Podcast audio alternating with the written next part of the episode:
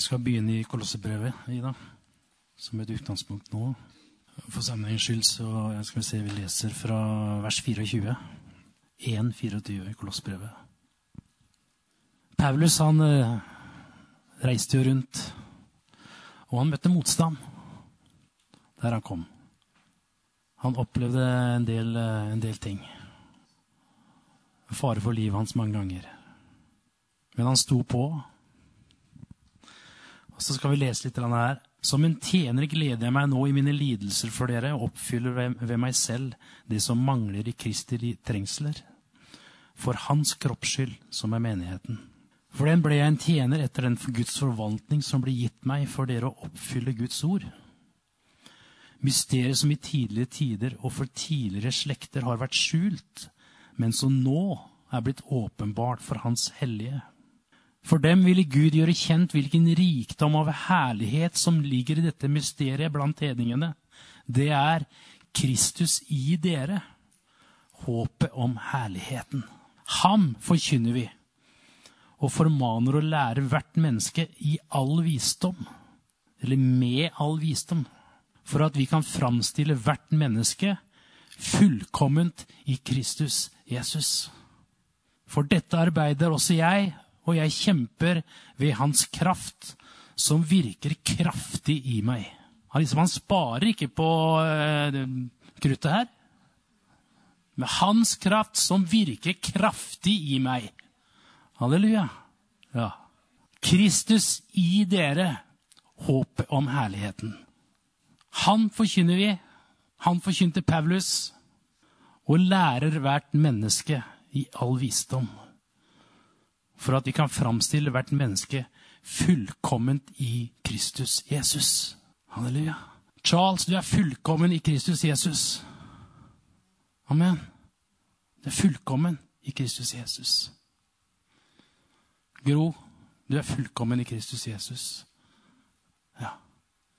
Katrine, du er fullkommen i Kristus Jesus. Ja, hva betyr det, da? Ja, det betyr jo altså det betyr frihet. Vi bør ikke streve. Vi bør ikke prøve å gjøre oss bedre enn det vi er, for vi er gode nok for Han. Ja, Vi er fullkomne i Kristus Jesus, står det. Det var det, han, det, var det Paulus ønsket, og det, det brant i hjertet hans. For han hadde opplevd Kristus, han hadde opplevd Jesus sjøl der på veien til Damaskus. Et mektig møte med den levende Gud. Og det her vil han gi videre. Er det noe rart i? Tenk på det han hadde opplevd. Tenk på den overgangen. Paulus har liv av, vært med og tatt liv av kristne før. Og så møtte han Jesus. Fullstendig forvandling. Rake motsetninger til det han hadde vært. Er Gud mektig? Halleluja. Han kan gjøre alt. Alt. Ja. Ingenting stopper Gud. Ingen. Intet menneske kan stoppe Gud. Nei. Han er mektig. Halleluja. Og du og jeg er fullkomne i Kristus Jesus. Hva betyr det? Jo, det betyr at ingenting er umulig for oss heller.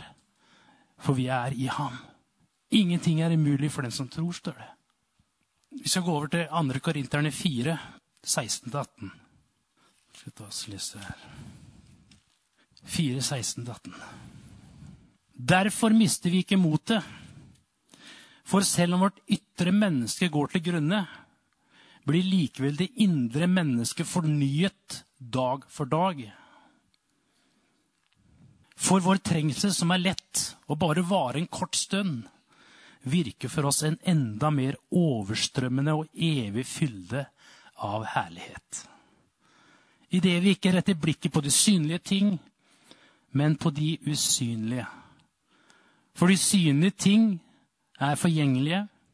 De går til grunne. Men de usynlige ting, de er evige. Amen. Det ytre mennesket går til grunne. En skigard kan ikke vare evig, veit du. Hvilken sang som heter det? Eller noe dikt, eller hva det er for noe? Nå er jeg, jeg er bare 61, så jeg har ikke merka noe til det farfallet ennå. Men Kanskje du, kanskje du har det? Men eh,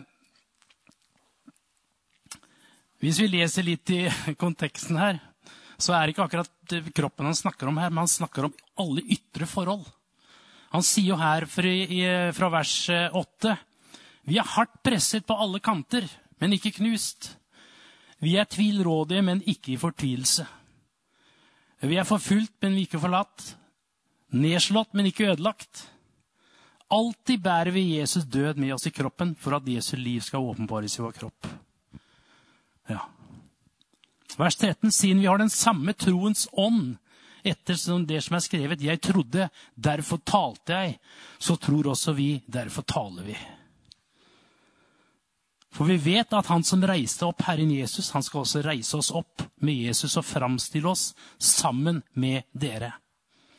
Og alt dette skjer for deres skyld, for at nåden, når den ved stadig flere har spredt seg utover, kan føre til takk i rikelig mål til Guds ære. Halleluja. En fantastisk innstilling han hadde. Om mine, mine ytre forhold rystes, så mister jeg ikke motet.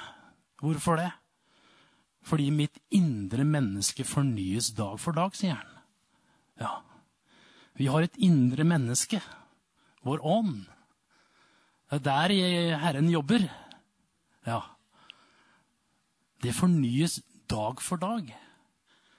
Han gjør alle ting nye, som jeg sier. Han prøver ikke å gi oss noe gammelt. Han, han kommer stadig med nye ting. Og det er her jeg tror vi trenger å, det her trenger vi å legge merke til. For alle kan vi oppleve ting i hverdagen, ytre ting. Det kan være plager, det kan være eh, kanskje i eh, andre ting som, som eh, økonomi, relasjoner, whatever. Eller omstendigheter som kan på en måte forstyrre oss. Men Paulus hadde blikket festa på han som er klippen. Kristus Jesus. Han hadde blikket festa der. Kristus i dere, håp om herligheten. Eh, eh, I Salme 116 så, så eh, Der er salmisten som også har gått gjennom det ting. Jeg vet ikke om det er David som har skrevet det, eller hvem det er. det er jeg ikke sikker på. Men det står 'Dødens bånd snørte seg om meg, dødsrikets resler nådde meg'. Jeg fant bare nød og sorg. Da påkalte jeg Herrens navn. Å Herre, redd livet mitt. Herren er nådig og rettferdig. Vår Gud er barmhjertig. Ja, du har fridd meg mitt liv fra døden, øyet fra tårer og foten fra å snuble. Jeg skal vandre for Herrens ansikt i de levendes land. Jeg trodde også da jeg sa 'jeg er hardt plaget'. Jeg sa i min angst 'alle mennesker lyver'. Hva kan jeg gi Herren igjen for alt det gode han gjør? Jeg løfter frelsens beger og påkaller Herrens navn. Der hadde han liksom løsninga. Midt i det som plaga han. Jeg trodde også da jeg, da jeg klaga. Og så løfta jeg frelsens beger og påkaller Herrens navn, sier han. I Romerne 5.10 så står det For mens vi ennå var Guds fiender, ble vi forsonet med, eh, med ham ved hans sønns død. Når vi nå er forsonet, hvor mye mer skal vi ikke da bli frelst ved hans liv? Ja, ikke bare det, vi skal også ha også vår stolthet i Gud ved vår Herre Jesus Kristus, han som har gitt oss forsoningen. Du vet at Der historien begynte, det var nettopp det at vi var i et fiendskap med Gud, eller mot Gud. Alle mennesker var syndige. Så vi var, vi var i et fiendskap med Gud. Ikke fordi Gud hata mennesket. Nei, men det var vi som ikke likte Gud i utgangspunktet. Gjorde opprør. Mennesket gjorde opprør mot Gud. Og det opprøret, det fiendskapet, det kan vi merke i dag også. Hvis vi ser på sosiale medier, f.eks., når det er eh, noen diskusjoner, så ser du virkelig at det er noen som er virkelig Guds fiender, som ikke liker Gud i det hele tatt. Det gir de klart uttrykk for. Vi lever i 22, vi er opplyste. Og jeg vil ikke at noen en gud eller et eller annet oppi der som skal bestemme over mitt liv. ikke sant? Jeg vet ikke om vi er så veldig opplyste ja, i 1922, 2022. når alt kommer til alt. Men i hvert fall så opplever vi det. Men Gud, han forsonte verden med seg selv. Ja. Mens vi ennå var fiender. Det var ikke vi som forsonte oss med han, men det var han som forsonte seg med oss. Og det her, den forsoningen, det er noe som står fast. Det er ikke at Gud forsoner ikke fremdeles. Nei, han har forsont verden med seg sjøl en gang for alle. Det er banka fast. Amen. Og da er det bare for mennesker å velge, egentlig. Hva vil du? Hvem vei vil du gå? Det rokkes ikke, det her. Så sier Paulus, hvor mye mer skal vi ikke da bli frelst ved hans liv etter at vi er blitt forlikt? Og her snakker han ikke akkurat om når vi ble født på ny, men han snakker på en måte om en, jeg å si en frelse etter frelsen. Det at det, den livgivende fornyelsen stadig skjer i vårt indre menneske, som han snakker om. Det er en del av det fullbrakte verket som Jesus gjorde på korset. Løftene hans, som står fast. Løftene har i ham sitt ja og sitt amen. Amen? Ja. Og du skjønner, midt i Midt i det som eh, vi opplever, som vi ha motstand vi møter, eller andre ting som, som er vanskelige, så har vi den, kan vi få ha den livgivende fornyelsen her inne. Og det er det viktigste, det er det viktigste vi har. Det er det som skjer her inne. Om, eh, på grunn av, om ytre omstendigheter skulle komme, så har vi fred, f.eks. Vi har fred, vi har liv, vi har, vi har, et liv med Gud. Vi har et håp, ikke minst. Ja, uansett. Hvis vi ser på framtida, så er det ikke sikkert det ser så veldig lyst ut sånn rent menneskelig. Det kan være det kan komme litt vanskelige tider kanskje etter hvert. Men allikevel så har vi et håp her inne. Vi slipper å bekymre oss. Jesus sa veldig klart, ikke bekymre dere. Nei. Stol på Gud, og stol på meg. Jeg tenker mange ganger på mennesker som ikke kjenner Gud. Og når vi ser, fra, når vi ser hvordan det ser ut i verden nå Det er ikke noe rart at folk er bekymra. Jeg skjønner det veldig godt.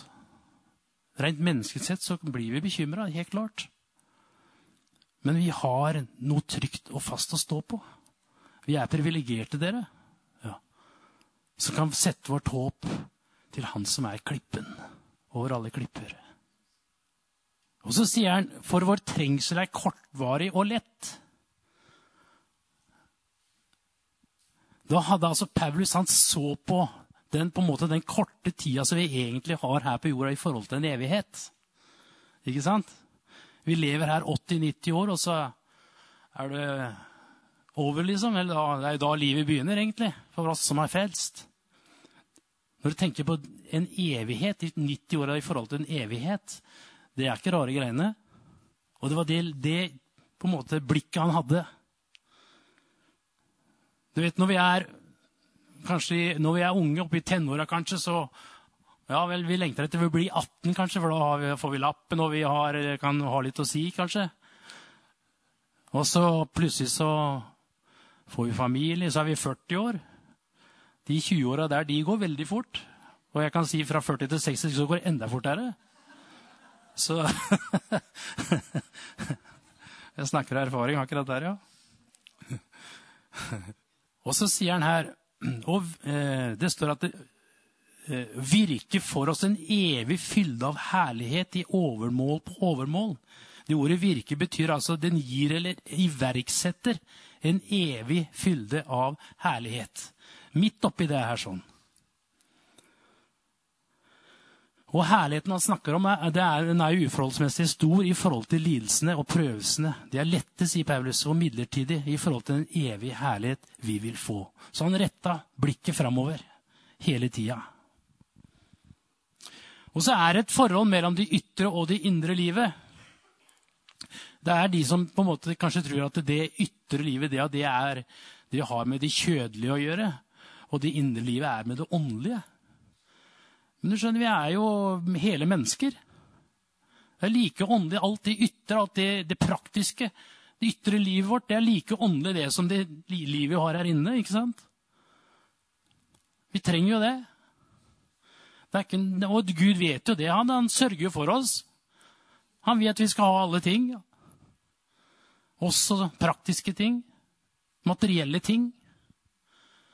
Det er noe Gud unner oss av hele sitt hjerte. Så det er ikke uåndelig, det. Nei. Det er like åndelig som det livet vi har her inne. Det henger sammen, alt sammen. Gud møter våre åndelige behov, men han møter også våre timelige ting og behov. Når han, for eksempel, når han skapte mennesket, så sa han det er ikke godt for, for mennesket å være aleine. Sånn. Men Gud var jo der hele tida. Adam og Eva var jo sammen med Gud, hadde konstant forhold med Gud hele tida. Men han så jo det at det, det er ikke godt for dem å være aleine. Og det var nettopp fordi Det var jo derfor Eva ble skapt, for han sa det. Han, vi, trenger, vi, trenger, vi, er, vi trenger hverandre. Ja. Vi trenger mennesker rundt oss. Og det så jo Gud. Det var jo sånn han hadde tenkt det.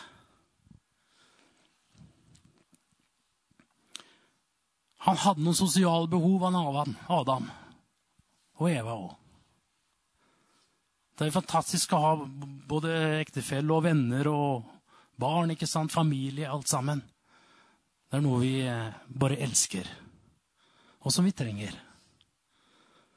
Og vi har menigheten, hvor vi kan komme sammen og tilbe Han som er kongenes konge. Ikke sant? Er ikke det herlig å komme sammen? Ja.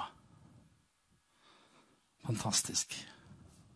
Gud er mektig til å la all nåde komme til, de, komme til dere i overflod, sier, sier Paulus. Så dere alltid og i alle forhold skal ha nok av alt som trengs, og kan ha overflod til all god gjerning. Amen. Så vet vi at de ytre tinga de forgår. Det varer ikke så lenge, men han vet at vi trenger det. Men så er det sånn noen ganger også. Kanskje vi ber Gud om eh, ja, noen ting som vi har lyst på. da. Hvis jeg bare får det her, Gud, da blir jeg lykkelig. Nei, sier Gud. Du blir ikke lykkelig av det, kanskje. Så han, eh, han, er litt bestemt også hva vi kan få og ikke få. sånn sett. Vi, han, han, kjenner jo oss. Han vet hva vi ikke trenger, og han vet hva vi trenger. Og det er litt bra, det òg. Han er jo som en far. Ja. Det er jo som vi har med ungene. ikke sant? Det Er, de har lyst på mye, men det er ikke alt de får. Vi ser hvilke behov de har, og hva de kan få, liksom. Og sånn er det Gud også behandler oss. Og jeg vet ikke, hvis du kunne valgt Ønske deg én ting. Det kunne være alt fra penger til nytt hus eller et eller annet. Mot det å ønske fornyelse i mitt indre liv, f.eks. Hva er det du hadde valgt? Én ting kan du ønske deg. Det er ikke, er ikke helt sikkert, Selv når vi er troende, så er det ikke sikkert vi hadde valgt fornyelse i mitt indre liv. Jeg vet ikke. Men Salomo han uh, fikk jo det valget. Du kan få hva du vil. Han valgte visdom. Han hadde skjønt, han hadde skjønt noe. Han valgte visdom. Du kan bli multimillionær. Nei, jeg vil ha visdom. Det er heftig. Halleluja. Og jeg tror eh, Vi så jo hvordan eh, det hjalp Salmo. Visdommen. Vi synger jo veldig ofte og 'Jesus, jeg trenger deg. Du er alt for meg.' Og han er jo det. Han er alt for meg. Og han er alt for deg. Men eh, vi hadde jo sulta i hjel. Hvis det bare var det, liksom. Vi trenger jo også alt det andre rundt oss, ikke sant? Så det er åndelig, alt sammen. Ja. Men Jesus, han er den som metter oss, metter alle våre, tilfredsstiller oss. Alle våre behov her inne. ikke sant? Og det er det viktigste.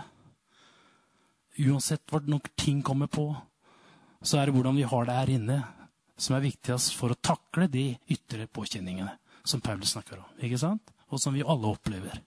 Og jeg er sikker på mange kunne vitne om det her også, hvordan Gud har gripet inn i forskjellige situasjoner. Og vært med oss. Vi kan legge hele vårt liv i Hans hånd.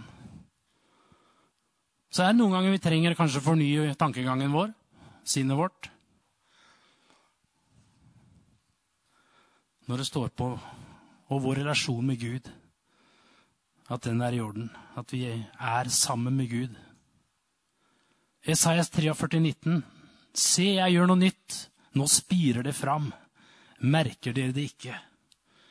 Ja, jeg legger vei i ørkenen, elver i ødemarken. Halleluja. Det er min og din Gud. Ville dyr skal ære meg, sjakaler og strutser, for jeg gir vann i ørkenen og elver i ødemarken, så mitt utvalgte folk kan få drikke. Mitt folk som jeg har formet, skal forkynne min pris. Med meg har du ikke påkalt Jakob. Du har ikke slitt deg ut for meg, Israel. Herren prøver å minne Israel på om ting de har vært igjennom i ørkenvandringen.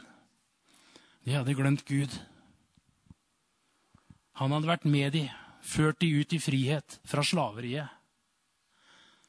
Men de, de var ikke flinke til å holde fast ved Gud. De gikk sine egne veier. De klaga. Og Derfor så gikk det ikke så bra med de akkurat heller. Det er sånn når de var i ødemarken. Selv om de var et utvalgt folk. Men Gud bevarte dem, tross alt. Han bevarte dem fordi han var hans eiendomsfolk.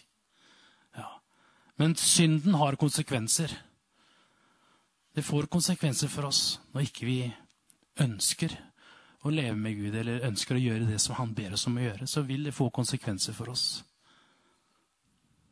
Men så er det alltid Han står med åpne, vei, åpne armer er, det er en vei tilbake igjen til Gud for mennesker som søker, og som vil.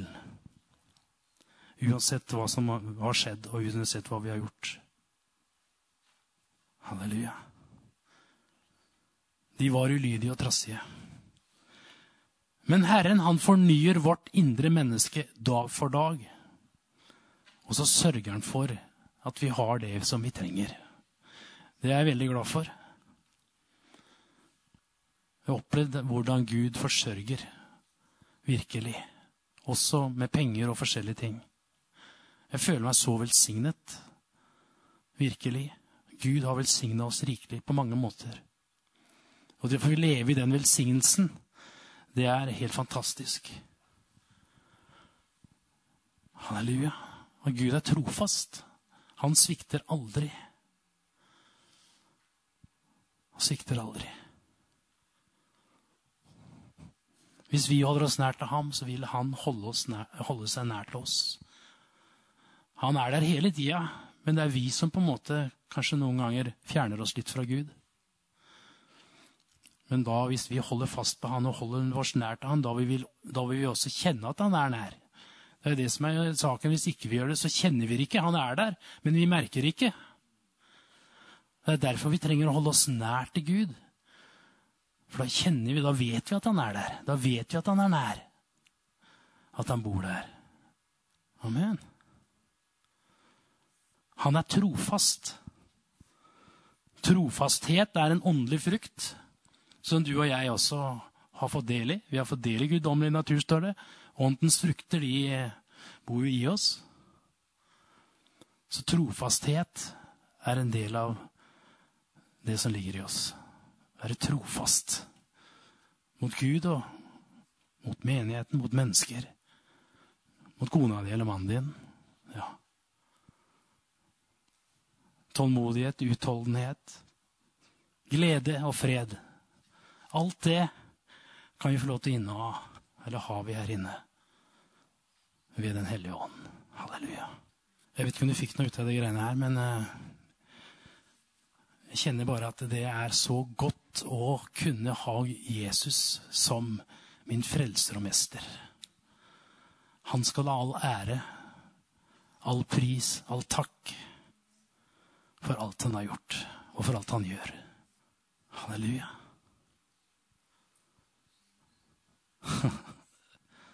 Han er mesteren over alle mestere.